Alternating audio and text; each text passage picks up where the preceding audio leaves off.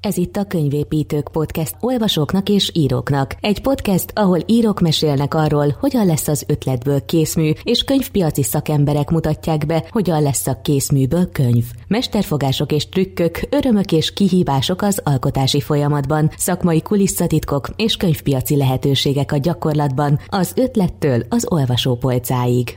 A Könyvépítők Podcast vendégeivel Fehér Gábor műsorvezető beszélget.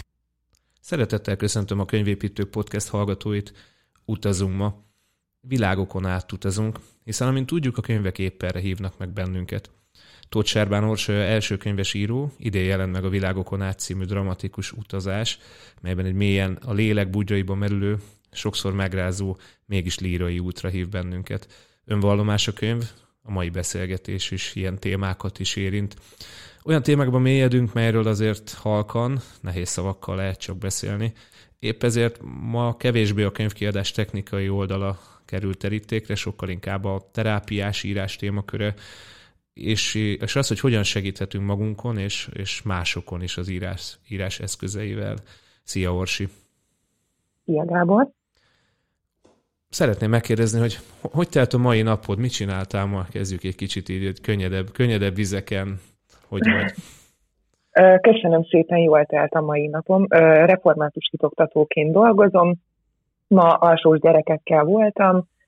Nagyon szeretek gyerekek között lenni és, és tanítani őket. Igazából jól, tel, jól telnek a napjaim, mert nagyon szeretem a munkámat. Hogy vannak az alsós gyerekek? Hogy bírták ezt a digitális oktatást? Mennyire várták vissza a személyes jelenlétet?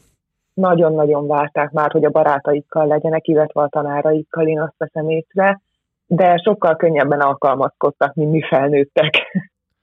Úgy gondolod, hogy a, tehát az otthoni alkalmazkodás, ez ment nekik? Igen, sokkal könnyebben, mint nekünk. Ez, ez nagyon fontos hangsúlyoznom, hogy le a a gyermekek és a szüleik előtt is, amiért uh, ilyen odaadással végezték az online tanulást.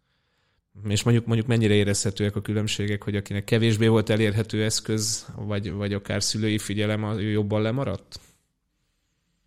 Ö, sajnos igen. Érezhető a különbség, de minden iskola igyekezett biztosítani számukra eszközöket, amivel ö, be tudták pótolni úgymond a tananyagot, tehát senki nem volt elvágva a tananyagtól, igyekeztek a pedagógusok is, hogy minden gyerekhez eljuthasson. És akkor gondolom, hogy számodra, számodra is öröm volt visszatérni már közéjük. Igen, igen, nagyon hiányoztak már. A, az, hogy írsz, a te írói léted, ez mennyire jelenik meg az iskolában, vagy akár a, a tanárkollégák között, ez mennyire téma? E, igazából nagyon kevesen tudják rólam, akkor lepődtek meg, amikor kijött a könyvem. E, én ezt nem szoktam beharangozni. Nekem ez egy kicsit ilyen egyrészt magánügy az írás, másrészt pedig közügy, de dicsekedni pedig nem szeretnék vele. Tehát ez nem jelenik meg. Érdekes lehet azért tényleg egy, egy, egy mély lélektani témájú könyv ez, és volt bár olyan közvetlenebb ismerős, aki, aki elolvasta, és aztán, aztán, aztán kérdezett, vagy tehát milyen ez az ismerősök olvassák ezt a könyvet, hogy hogyan hat ez rájuk? Hát voltak ismerősök, igen, akik elolvasták, és ők azt mondták, hogy teljesen magával ragadta őket, és átélték mindazt, amit leírtam. Igazából ez a célom ezzel a könyvvel. Egyrészt majd későbbiebben belemegyünk, de hogy átélje mindenki, amit leírtam. És a, hogy ezt leírt, most, most egy kicsit előre ugrok ugyanezzel a kérdéssel, de hogy hogy, hogy, hogy nyilván kellett egyfajta bátorság hozzá, és, és, és egy furcsa helyzet lehet, amikor olvasva egy ismerős ezt a, a, nyilván a saját életed által ihletett sorokat. Ezt, ezt, ezt így hogy közelítik meg, akik olvasták? Így óvatosan mondanak róla véleményt, vagy kérdeznek, vagy... Igen, nagyon óvatosan. Tehát én nekik el is szoktam mondani, hogy azért tudtam már, tehát ez nálam egy folyamat volt. Én ezt először nem a publikumnak szántam, hanem magamnak, hogy kiadjam magamból ezt a sok feszültséget, ami felgyűlem lett bennem.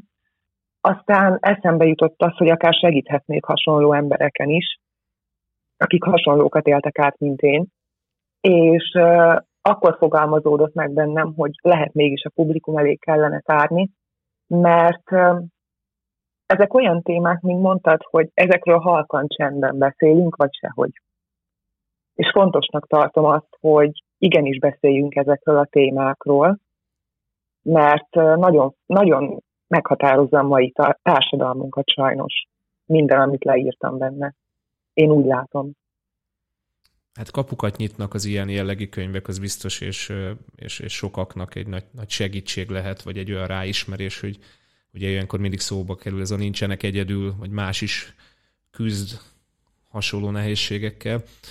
Én arra gondoltam, hogy a hallgatóinknak a, a könyvedből is fölvillancsunk egy-egy részletet, hogy, egy-egy a saját szavaidat idézném, és ezzel kapcsolatban teszek fel kérdéseket, és így utazunk Regen. végig a könyv témáján. Úgyhogy el is kezdeném ezzel, ezzel a résszel, és akkor így fény derül abban, hogy mi is volt a te különbséged, vagy nehézséged, vagy, a, vagy a, a, a, ez egyfajta a környezeti helyzet. Szóval az idézet így hangzik, hogy Örületem szikrája egyszer porig égeti fádat. Nem érdekel világ, s nem érdekel a bánat. Mit okoznak nekem a fele barátok, kik csak azért élnek, hogy a szakadékba lökjenek, s kiáltsanak reálmátkot. Érzik rajtam le- létezésed nehéz részegítő illatát, félnek tőlem. Különbözök, ezért akarnak eltörölni. Miben különböző, miben különböztél, miért akart eltörölni a környezet? Hát mindig is kicsit, kicsit külön gyerek voltam, tehát kisé álmodozó fogalmazunk így, hogy a fantázia és a valóság határán létezőnek éreztem magam. Most ezt így felnőttként könnyű megfogalmazni, gyerekként nyilván nem tudtam. És az álmodozásnak természetesen a fantáziám sem szabott határ. És hogy miért akartak eltörölni, arra így felnőttként jöttem rá, hogy nagyon introvertált személyiség voltam, meg vagyok is, és ezért nem ismertek meg igazán engem gyerekkoromban, és az ismeretlentől való félelem, én úgy gondolom, hogy nagyon befolyásolja az embereket. Tehát amit nem ismernek, attól egy kicsit óckodnak, nem akarják maguk közé, és én egy kisfaluból származom, ott pedig ez még inkább jellemző volt. És miben nyilvánult ez meg, hogy, hogy nem akarnak elfogadni, vagy, vagy ezt, a, ezt az introvertságot, vagy másként viselkedést nem akarták elfogadni? Tehát mi, mi történt veled? Mi, igen, mi történt veled? Hát az egyik téma, amiről fontos beszélni, az a mai divatos szóval élve a bullying, az iskolai zaklatás. Igazából ebben nyilvánult meg, hogy hogy általános iskolában nem tudtam beilleszkedni. Sokszor nagyon reményvesztettem, mentem haza nap-nap után, és nem értettem, hogy vajon miért. Aztán felnőttként beláttam, hogy valószínűleg én is hibás voltam ebben, mert jó tanuló voltam, nem voltam zseni, meg nem is vagyok, de jó tanuló voltam, és sokszor dicsekedtem ezzel, tehát valószínűleg én is rátettem erre egy lapáttal. És otthon ott azért tudtál valami lelki nyugalmat lelni, vagy esetleg ott is értek nehézségek? A szűk családi körömben igen tudtam lelki nyugalmat találni, ugyanis ott megértették, hogy más vagyok, fogalmazunk így. És édesanyám igyekezett mindig kielégíteni ezt a fantáziát, tehát rengeteg könyvet kaptam gyerekként, és olyan könyveket is, ami nem csak gyerekeknek szól. Ezt fontosnak tartom, ő szoktatott rá az olvasásra is, viszont sajnos a tágabb családi környezetben nem tudtam elengedni magam, és ott kezdődtek igazán a problémák, amikor olvadás voltam. Uh-huh. Tudsz mondani olyan könyvet, ami mondjuk nagyon elvitt, vagy olyan könyveket, ami menedéket jelentett így a gyerekkorban? Ki gyerekkorban, ami menedéket jelentett, az a kis herceg volt. Hát igen, ez nem véletlen. Igen. Egy másik részlettel jönnék, és aztán így folytatjuk tovább.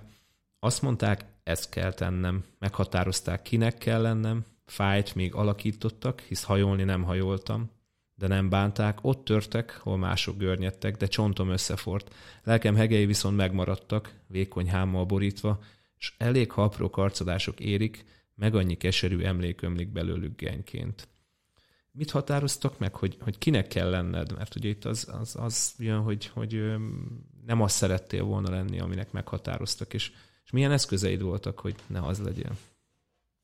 Hát igazából a jó tanuló, a versenyre járó, a céltábla, az osztály búnyának tárgya, tárgya éppen mi volt porondon, És ha egy gyereknek elég sokszor mondogatják ezeket, akkor egy idő után elhiszi magáról. És igyekeztem megfelelni ezeknek a jelzőknek, hogy hát ha akkor jobb lesz, befogadnak, de nem lett. És egy idő után már, amikor belenéztem fiatal lányként a tükörbe, akkor már nem tudtam, hogy kinéz vissza rám. Tehát úgy éreztem, hogy kezdem elveszíteni önmagam a sok szerep között, amit rámangattak, és felnőttként a legnagyobb támasz én az egészséges önismer- önismeretben és az akaratban látom. Gyermekként viszont nekünk felnőttnek, felnőtteknek kellene vigyáznunk rájuk, hogy semmilyen erőltetett szerepet ne, akarunk, ne akarjunk rákényszeríteni a gyermekekre. Amikor én kezdőtanár voltam, én is beleestem ebbe a hiába, hogy a gyerkőc minden, hogy mindenből ötösből teljesít, ötösre teljesített, és akkor én úgy döntöttem, hogy jó, akkor versenyre is biztos szívesen menne. Hát nem így volt.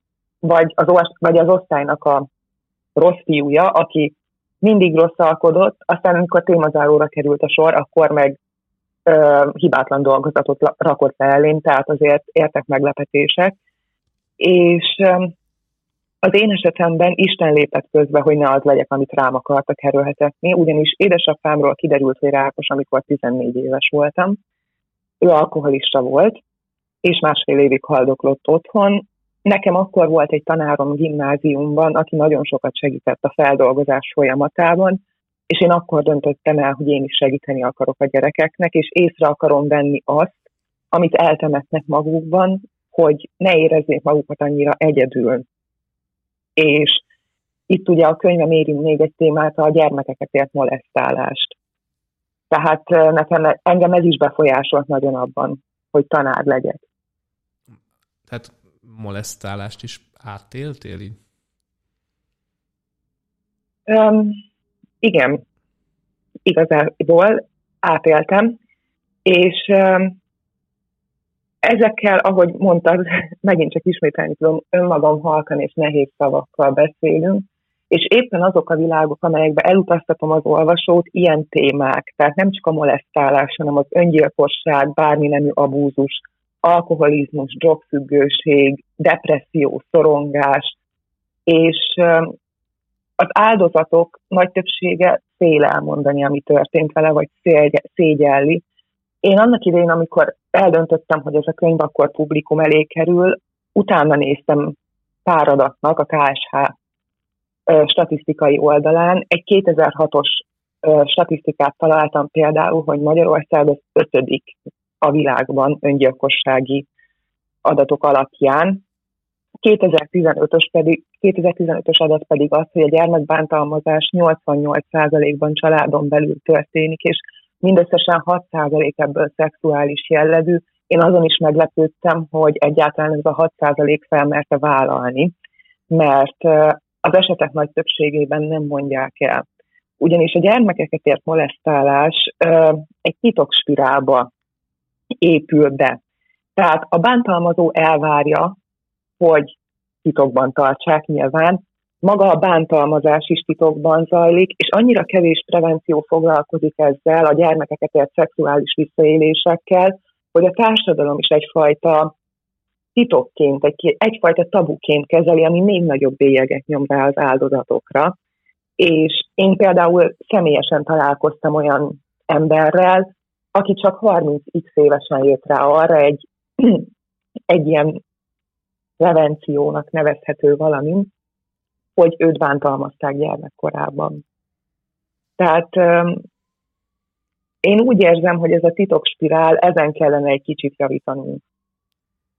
Ez nagyon, nagyon jó szó ez a titokspirál, meg, meg valahogy tényleg ez a társadalmi, társadalmi elhallgatása ennek az egésznek, hogy, hogy sokszor szembesülünk azzal, akár itt a, hét, a hétköznapokban is, hogyha valaki felvállal egy ilyen helyzetet, akkor mivel ez egy nehezen emészhető dolog, hogyha egy gyermeket bántalmaznak, főleg abúzus, akkor, akkor ugye egy önvédő mechanizmus, és nagyon rossz önvédő mechanizmus az áldozathibáztatás sokszor, hogy, hogy akkor, akkor ő biztos azért, biztos azért tehetett valamit róla, biztos azért csinált valamit, hogy ő ezt így, ezt így ki, ki. Igen, én is ö, találkoztam ezzel, hogy gyermeket ért, és a gyermeket hibáztatták. A gyermek ilyen esetben bántalmazás elszenvedése esetében semmiféleképpen nem hibáztatható.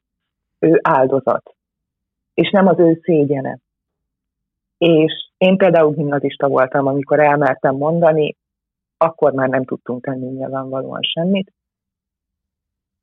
De az is közrejátszik ugye ebben, hogy maga az a titok, hogy nagyon sokszor az esetek kétharmadában családon belül történik ez, vagy közeli, vagy távolabbi családtag bántalmazza a gyermeket, és a gyermek ezért nem mer róla beszélni.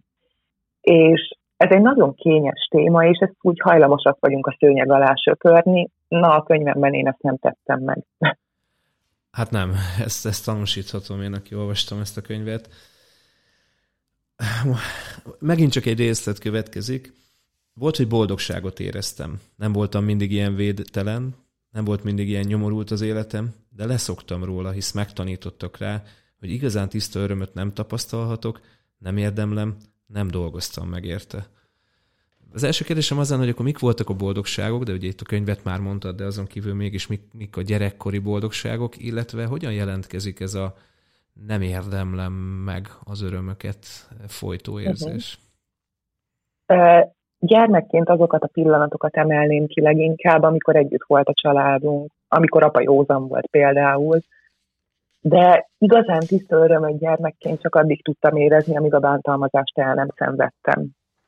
Utána én is belekerültem ebbe a titokspirálba, amit felnőttként tapasztaltam, és ez a nem érdemlem meg a boldogságot. Ez pedig abból adódott, hogy a, egyrészt a bántalmazás, másrészt az általános iskolai zaklatás, hogy egyszerűen velem is elhitették azt, hogy én nem érdemlem meg. Felnőttként pedig azokat a pillanatokat emelném ki, amikor önmagam lehetek. Amikor végre tényleg önmagam lehetek most már.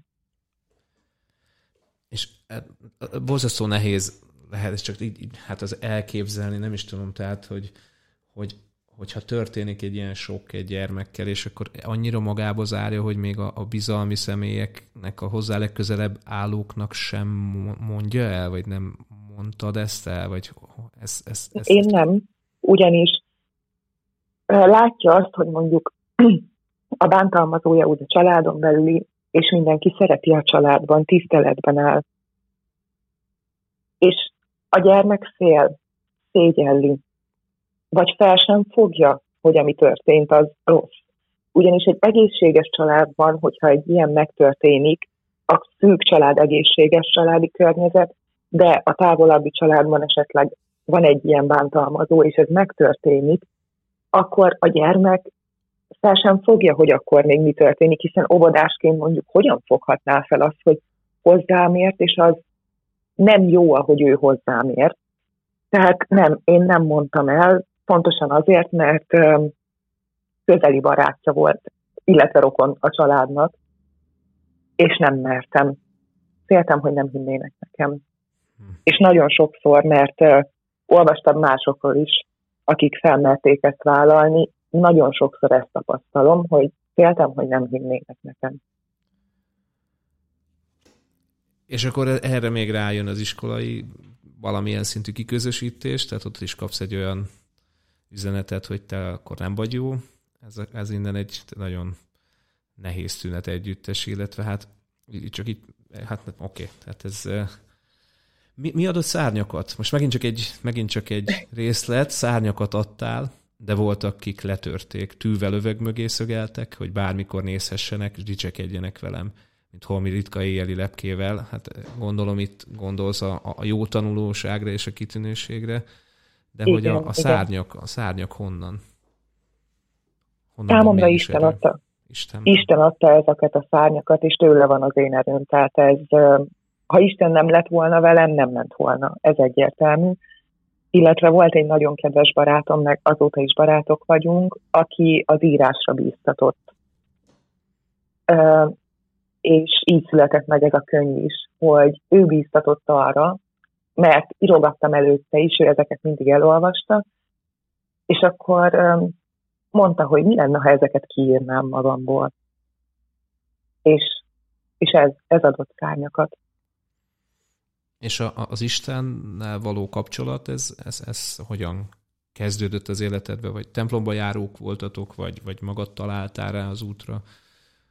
Hát a családom templomba járó volt. Általános iskolás koromban tudtam, hogy van Isten, de az, hogy tudok valamiről, meg az, hogy hiszek benne, az két különböző dolog. És amikor én gimnáziumba kerültem, és édesapám beteg lett, akkor kerültem igazán közel Istenhez, mert általános iskolás koromban mindenért őt hibáztattam, pedig nem ő volt a hibás, hanem minden tettünknek megvan a következménye, ami néha másokon csapódik, tehát vállalnunk kell a felelősséget, és én középiskolás koromban találtam rá, úgymond Istenre, és kezdtem el felé közelíteni. És én akkor, akkor kezdődött el ez az ódulási folyamat is.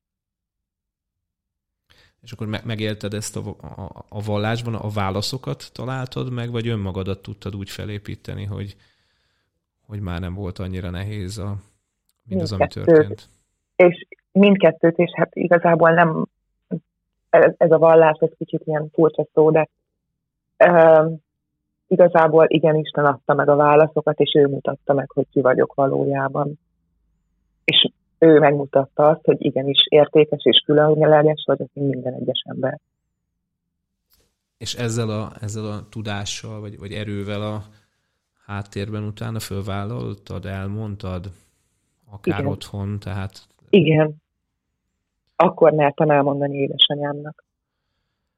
Igen. És, és, és tényleg ne válaszolj, ha én itt túl személyes dolgokat kérdezek, de hogy ez egy ilyen, ez egy elképesztően nehéz beszélgetés lehet, hogy egy anyának is egy ilyen helyzettel találkozni, mert hát gondolom érezte, hogy vannak nehézségei, de hát azért ez egész más helyzet, hogy, hogy ő ezt, ezt ő hogyan tudta akkor kezelni. Ő a mai napig nagyon nehezen tudja ezt kezelni. Mert önmagát hibáztatja. Pedig nem ő a hibás, a titokspirál miatt éppen nem ő a hibás. Uh-huh. Igazából ebben a történetben én már nem látok hibást, ugyanis én meg tudtam bocsátani a bántalmazómnak, de ezt is Istennek köszönhetem. Akkor akkor azt mondod, hogy ebben a történetben nincs hibás, akkor, akkor, akkor mi van a történetben? Fejlődési lehetőség, felismerés, nehézségek? Mi, mi van ebben a történetben, ha, ha hibás nincs? Ami egy nagyon szép gondolat, de hogy, ja igen, hát akkor mi, mi, mi marad a történetben? Figyelj, én erre azt mondom, hogy ha ezek nem értek volna engem, akkor nem az lennék, aki most vagyok. Tehát nagyon nehéz volt átélni. Vannak nehéz napok mind a mai napig. De úgy érzem, hogy úgymond ezzel egy pluszt is kaptam, hogy segíthessek másokon, akik hasonló helyzetet éltek át. Mert akik nem éltek át hasonló helyzetet, azok elképzelni talán el tudják, de megérteni teljesen soha nem fogják. Azt az érzést, azokat az érzelmeket, azokat a nehézségeket, amivel szembesül egy felnőtt, aki már, aki gyermekként mondjuk átélte a szexuális abúzust. Tehát én nem tekintek úgy a múltamra, hogy hát ezeknek nem kellett volna megtörténnie. Én úgy tekintek a múltamra, hogy nem az lennék most, aki vagyok, ha ezek nem történtek meg.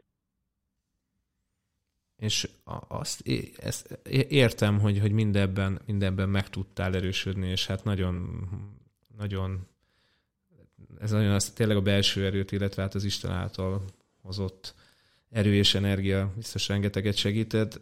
Az a kérdésem igazándiból azt írott, hogy mi van a mostani korral, amelyben úgy tűnik a fájdalom és a bűn meghatározó. Úgy látod, hogy ez egy kortünet? Tehát, hogy, hogy most, most ez, egy, ez egy nehezebb kor, több a fájdalom? Vagy... Nem azt mondom, hogy nehezebb kor, hanem közömbösebbek lettünk. Tehát mindenkinek megvan a maga csomagja, és mindenkinek a sajátja a legnehezebb, ez nyilvánvaló. Vannak, akik sokkal rosszabb helyzetben vannak, mint én, vagy voltak, mint én. De úgy gondolom, hogy igen, ez egy társadalmi probléma, amiben egy kicsit mindannyian felelősek vagyunk. Nem véletlen például az sem, hogy a főszereplőnknek nincs neve. mert már nem csak rólam szól a könyv, hanem mindenkiről, aki hasonlókat élt át. És például vegyük az öngyilkosságot megint példának, példának, hogy mindig az öngyilkos embert hibáztatják. Tehát, hogy vagy azt mondják rá, hogy gyenge volt. De arról senki nem beszél, hogy mondjuk ugye az öngyilkosságnak vannak egyértelmű jelei, hogy ezt miért nem vette észre senki. Üm, nekem is volt az ismeretségi körömben egy gyerekkori barátom, aki nem rég, nem rég lett öngyilkos, és mindenki őt kezdte hibáztatni. És üm, úgy megfogalmazódott bennem a kérdés, sajnos mi elszakadtunk egymástól nagyon-nagyon régen, hogy ugyan hogy nem vették észre, vagy ha valaki mondjuk drogfüggő és alkoholista, azonnal rásütik a bélyeget. Ahelyett, hogy mondjuk ott is egy kicsit megközelítenék arról az oldalról, hogy mi vezetett el odáig, hogy ezeket a szereket használja, ezekben a szerekben keresi a boldogságot, a megváltást. És azért beszélek több szám első szemében, mert én is ilyen vagyok, tehát nem akarok álszent lenni, hogy hajlamosak vagyunk inkább félrenézni, mert az könnyebb. Vagy a depresszió és a szorongás, amit megint csak érint a könyv. Letudjuk annyival, hogy ez hiszi, vagy szed már össze magad, és nem fogjuk fel azt, hogy ez egy ugyanolyan betegség, mint mondjuk egy autoimmun betegség.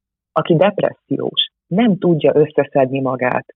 És és a mai társadalmunk még mindig félre néz, vagy ferde szemmel néz azokra, akik mondjuk ezekben szenvednek, ezekkel a démonokkal küzdenek, és hozzáteszem, így még inkább erősítjük, erősítjük, meg erősítik bennünk azt az érzést, hogy mi vagyunk a rosszak, mi vagyunk a hibásak, ők a különcök, velük baj van, ahelyett, hogy mondjuk a közvetlen környezetemben, tehát nem ilyen világ megváltó gondolatok ezek, csak a közvetlen környezetemben egy kicsit jobban kinyitnám a szemem, hogy hogy vajon hogy van az az ember, aki mellettem él?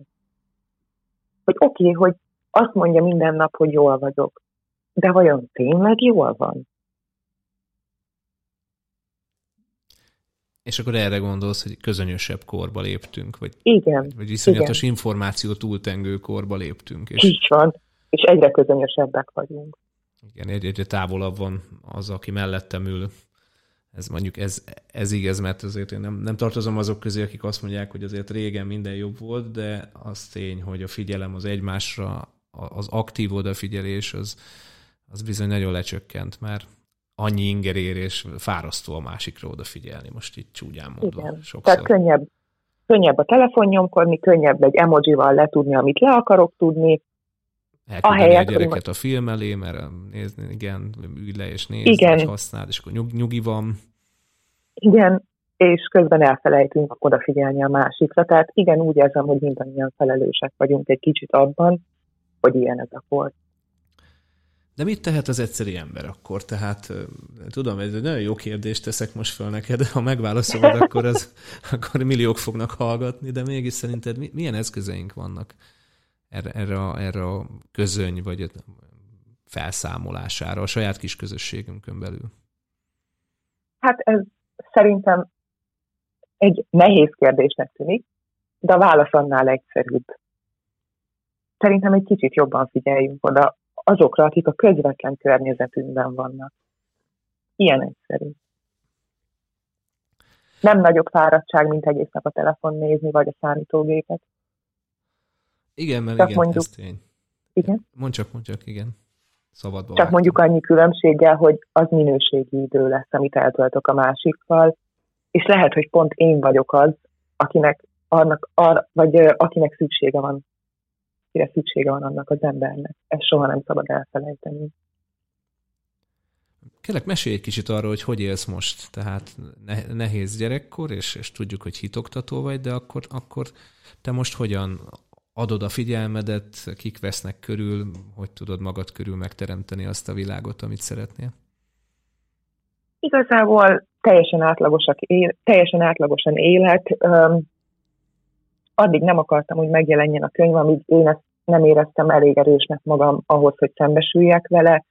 Van egy férjem, van egy kutyánk és egy macskánk, igazán békésen élünk, de Ugye ez nem jelenti azt, hogy néha ne élném át újra és újra, amin keresztül mentem. Ez azt jelenti, hogy Isten nap-nap után erőt ad nekem, ahhoz, hogy tovább menjek. Hitoktatóként dolgozom, ahogy már említettük, és ez annak a tanárnak hála, aki annak idején nekem segített. Ö, nagyon szeretem a munkámat, tehát ez, ez nagyon, ez biztos. Nagyon szeretem a környezetemet, amiben vagyok, a gyülekezetemet, amiben vagyok. Vannak rossz napok, mint mindenkinek, de most már a jó napok vannak többségben. Szabadidőmben írok, vagy festek. Én így tudom kiengedni gőzt, nekem az írás az a bizonyos felet. És ami a legfontosabb, hogy beláttam azt, hogy a harag, vagy a bosszúállás gondolata, az csak engem mérgez. És így meg tudtam bocsátani azoknak, akik bántottak. Nem volt könnyű, évekbe telt, de most már nem emésztenek. Érzékenyebb lettél? Nyilván igen, de hogy akkor azokra a gyerekekre, akik hasonló cipőben igen. járnak, vagy egyáltalán lehet az, hogy te mondjuk ezt jobban felismered egy rezülésből, egy, egy tekintetből? Igen, érzékenyebb lettem. Sokszor nagyon nehéz szembesülni ezekkel, hiszen végtelen gyermekekről beszélünk, de sokkal jobban odafigyelek. Mert ha már csak egy, gyereke, egy gyereknek segíteni tudok, már az siker. Már akkor megérte. És ó, egy oktatóként hogy tudsz belépni egy ilyen helyzetbe? Tehát, hogy, hogy, hogy, hogy ne, Hit, nem is tudom, hogy ne oktatóként egyébként vagy... úgymond könnyű dolgom van, mert minden csoportomban igyekszem azt erősíteni, hogy ez egy szeretett közösség. Tehát, hogy ne féljenek elmondani, hogy ami történt velük esetleg, ne érezzék ezt tehernek. És általában sikerül olyan bizalmi kapcsolatot kialakítani, nem könnyű, hogy hozzám fordulnak segítségért, utána pedig én meg tudom tenni a, a törvényes lépéseket, ugyebár, hogyha arra szükség van, de van, hogy elég egy beszélgetés, elég, hogy meghallgatja valaki ezt a gyermeket, tehát én így tudok közbelépni, hogy igazából, mint mondtam, ez könnyű dolog, mert mert a szeretet közösséget erősítem bennük, az elfogadást, az, hogy, hogy én szeretem őket, Isten is szereti őket, tehát um, így nem olyan nehéz. Pironkodva vallom be, hogy nem ismerem olyan mélyen a Bibliát, mint amennyire az szükséges lenne, de Igen. majd kérdezzek ilyet, hogy a Biblia foglalkozik ezzel a témával, ez a családon belüli erőszak, a családom tehát van, van, van erre, tehát ez, ez, erre van példa, példabeszéd, hozzuk ezt magunkkal ezer évek óta? Persze, hogy van példa, hát a Bibliában is emberek voltak ők is. Elég József történetére gondolnunk egyébként, aki dicsekedett, a testvérei megharagudtak rá, kútba dobták, elkerült Egyiptomba, szolgasság házába, de végül megbocsátott a testvéreinek. Ez egyébként a anyagunk is, és ehol szoktunk rábenni a családon belüli konfliktus helyzetekre, hogyan kezeljük ezeket, hogyan élik meg a gyerekek, tehát öm, persze, hogy foglalkozik ezzel a Biblia, nem egy távoli könyv az, mint ahogy sokan érzik, hanem ugyanolyan emberek voltak ők is, mint mi vagyunk. És ugye beszéltünk már a digitális oktatásról, de ugye ennek van egy olyan vetülete, hogy, hogy sokat voltak otthon a gyerekek, és az ártajtók mögött ugye a családok is össze, összeszorultak egymásra. Mit látsz ebben? Hogyan? Tehát vajon, ugye nem lehet tudni ezt a kérdést, hogy a, a családon belüli erőszak és a, és a karantén, ez eh, igen, sajnos. Egymás, ezt nem látunk be, vagy nem tudom, hogy jönnek-e már ki erről adatok, vagy erre nincsenek ugye jó adatok. Még nincsenek adatok, meg valószínűleg a közeljövőben nem is lesznek. Én úgy gondolom. De sajnos, hogy ez fáj kimondani, de sajnos mivel csak a feldolgozásban tudunk segíteni. Tehát pontosan ez a rengeteg titok és tabu, ami, ami a társadalmunkat jellemzi emiatt. És igen, volt olyan gyerek, aki már nagyon vágyott vissza az iskolába. Minden esetre az, hogy egy szeretett közösségbe kerülés lehet, az egy, az egy kiút lehet mindenképpen. Igen. Nagyon nagy segítség egy ilyen. És bárcsak ez a szeretett közösség, ez tetszik ez a szó, bárcsak több iskola vagy több osztály lehetne inkább szeretett közösség, mint ilyen funkcionális bejárunk tanulni közösség. Hát talán ebben egy kicsit hiány van azért általában. Miért az írás? Hát, Ja, igen, bocsánat, ne haragudj, ne haragudj, hogy erre, erre nem adtam lehetőséget reflektálni. Hogy látod egyébként eh, így az iskolák szerepét ebben a dologban? Mennyire közeli most a tanárdiák viszony, hiszen azért eh, mondjuk régen, régen visszamegyünk szerintem 60-70 évet, akkor a falusi tanítók nagyon közeli viszonyban voltak a, a diákjaikkal, a családjaikkal, és lehet, hogy ezáltal talán valamiféle segítséget nyújthattak ilyen helyzetekbe, aztán mint hogyha azért nyilván ez távolodna ez a, ez a dolog. Igazából nem kell visszamenni 60-70 évet. Az én tanítónénim, tanítónénim is még édesanyámat is tanította, és ha arról volt szó, hogy mondjuk a gyerek beteg, akkor ő biciklire pattant, 60x évesen is, és hazavitte a gyereket. Hm. Vagy akár magához vitte, amíg a szülők dolgoztak. Én egyébként úgy látom, hogy még mindig megvan ez a közvetlen viszony a tanárok és a diákok között. Tehát nem reménytelen a helyzet egyáltalán, és igyekeznek a pedagógusok nagyon, hogy, hogy a gyerekek tényleg, hogy mondjam, biztonságban érezzék, jól érezzék magukat az iskolákban.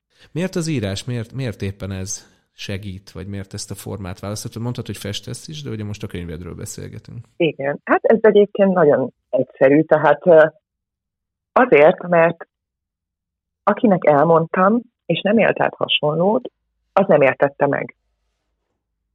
És ezért választottam az írást, hogy, hogy ott le tudtam írni, ki tud, úgymond el tudtam egy kicsit távolodni ettől az egésztől, és a terápiás írást ezért tartom nagyon fontosnak, hogy, hogy nem feltétlenül kell minden könyvnek megjelennie, de nagyon fontos az, hogy egy kicsit eltávolodjunk ettől, hogy tudjuk tisztában látni a dolgokat. Tehát nekem az írás az nagyon sokat segített a feldolgozás folyamatában is. Én ezért választottam az írást, mert így tudtam eltávolodni egy kicsit, eltávolítani magam abból a helyzetből. És akkor ebben, ebben nyilván az olvasóidnak is tud segíteni, hogyha veled utaznak. Um, igen, igen, és az olvasóimnak is lenne üzenet, hogyha ez szabad. Hogyne, hát ezért vagyunk itt. Jó, hogy én azt üzenném nekik, hogy nincsenek egyedül. Mert én gyerekkoromban sokat éreztem magam egyedül, és nekem ezt nem mondta el egy olyan személy, hogy nem vagyok egyedül, aki hasonlókat élt át. És soha nem késő változtatni, és nem szégyen, ha segítséget kérjünk. És én arra bíztatnám az olvasóimat, akik hasonlókat éltek át, hogy merjenek segítséget kérni. Nem az ő szégyenük, ami megtörtént, őkettől nem kevesebbek, vagy nem értéktelenek. Ö, és ezekkel meg lehet tanulni együtt élni. Nem könnyű, de lehetséges. És és azért bíztatnám arra, hogy merjék elmondani, mert ha nem mondják el, akkor az egyre mélyebb, mélyebbre eszi magát az emberi lélekben. És az, hogy valaki szexuális bántalmazást szenvedett fel, nem jelenti azt, hogy értéktelen, nem az ő hibája. Nem, nem egy kitaszított státusz ez. És gyermekként előfordult az a családjában, hogy például a drogfüggőség, alkoholizmus, az sem a gyermek hibája. És ez nagyon fontos, hogy felnőttként is sokszor, a gyere, hogy felnőttként is még önmagát hibáztatja, amikor gyermekkorában megtörténtek ezek a dolgok. Vagy ha valamilyen mentális betegséggel küzd, akkor tudom, hogy nap mint nap egy küzdelem. Én is ugyanezt átéltem, és az nem hiszi. Ettől ő nem lesz kevesebb, nem más, nem, hogy mondjam, nem, nem kell rá szemmel nézni, ne is foglalkozzon azokkal, akik szemmel néznek rá, és ez nem azt jelenti, hogy ő gyenge, vagy nem jogosítja fel az embereket arra, hogy semmibe vegyék, mert minden egyes ember értékes és különleges. És um, van kapaszkodó. Tehát aki depresszióval küzd, gyakran elveszíti a külvilággal a kapaszkodókat. Nagyon gyakran. Azt érzi, hogy nincs miért, nincs kiért maradni. És mindig másban keresi, hogy érte maradjak, érte önmagáért maradjon, én azt mondom. És ez a könyv egy kicsit úgy érzem, hogy minket, akik hasonlókon mentünk át, összeköt. Tehát van kapaszkodó, nincsenek egyedül, még nem is ismerjük egymást, de van valami, amiben hasonlítunk. És, és ismételten, akik pedig nem éltek át hasonlót, őket arra bíztatnám, hogy ha észreveszik a jeleket, akkor cselekedjenek, amíg még lehet. Ez nagyon fontos, és köszönöm szépen, hogy ezeket az áró gondolatokat elmondtad. Én bízom benne, hogy sokan hallgatnak, vagy akár olyan is hallgat bennünket, aki, akinek ezek a gondolatok, ezek a, ez a beszélgetés most egy erőt ad, vagy elindítja egy irányba, illetve hát javaslom neki mindenképpen, hogy, hogy olvassa el a könyvedet, tehát Tóth Cserbán Orsolya a világokon át című könyvéről beszélünk, és említetted a kis herceget, ami, ami elvitt egy varázslatos világba, egy menekülési lehetőséget jelent egy gyerekkorodba. Miket olvasol most? Mondjuk éppen most. Így mostanában mit olvasol? Hát mostanában már sokat gyára a kedvenc regényemet olvasom újra, Bulgakovtól a Mester és a Margarita. És miért éppen ez a kedvenc? Nem tudnám megfogalmazni, számomra az így egyszerűen tökéletes, minden a helyén van, irodalmilag, történetileg, mindenhogy. Köszönöm szépen a beszélgetést. Én is köszönöm. És akkor még kedves hallgatóink, kérlek maradjatok, mert ez a beszélgetés most nem igazán adta azt a helyzetet, hogy én nyomkodjam a gombokat és intrókat, dobjam be, de azért egyel is szeretném lezárni. Kiadnád a könyved? Segítséget szeretnél? Csatlakoznál egy több mint 3000 főt számláló írói közösséghez? Akkor keresd a Kiadom a könyvem könyvépítők csoportot és oldalt a Facebookon. Légy te is tagja a Kiadom a könyvem közösségnek. Hát még egyszer köszönöm szépen, Orsi, hogy beszélgettünk, és sok olvasót és további, akár új könyveket, illetve további sikereket kívánok a munkádhoz.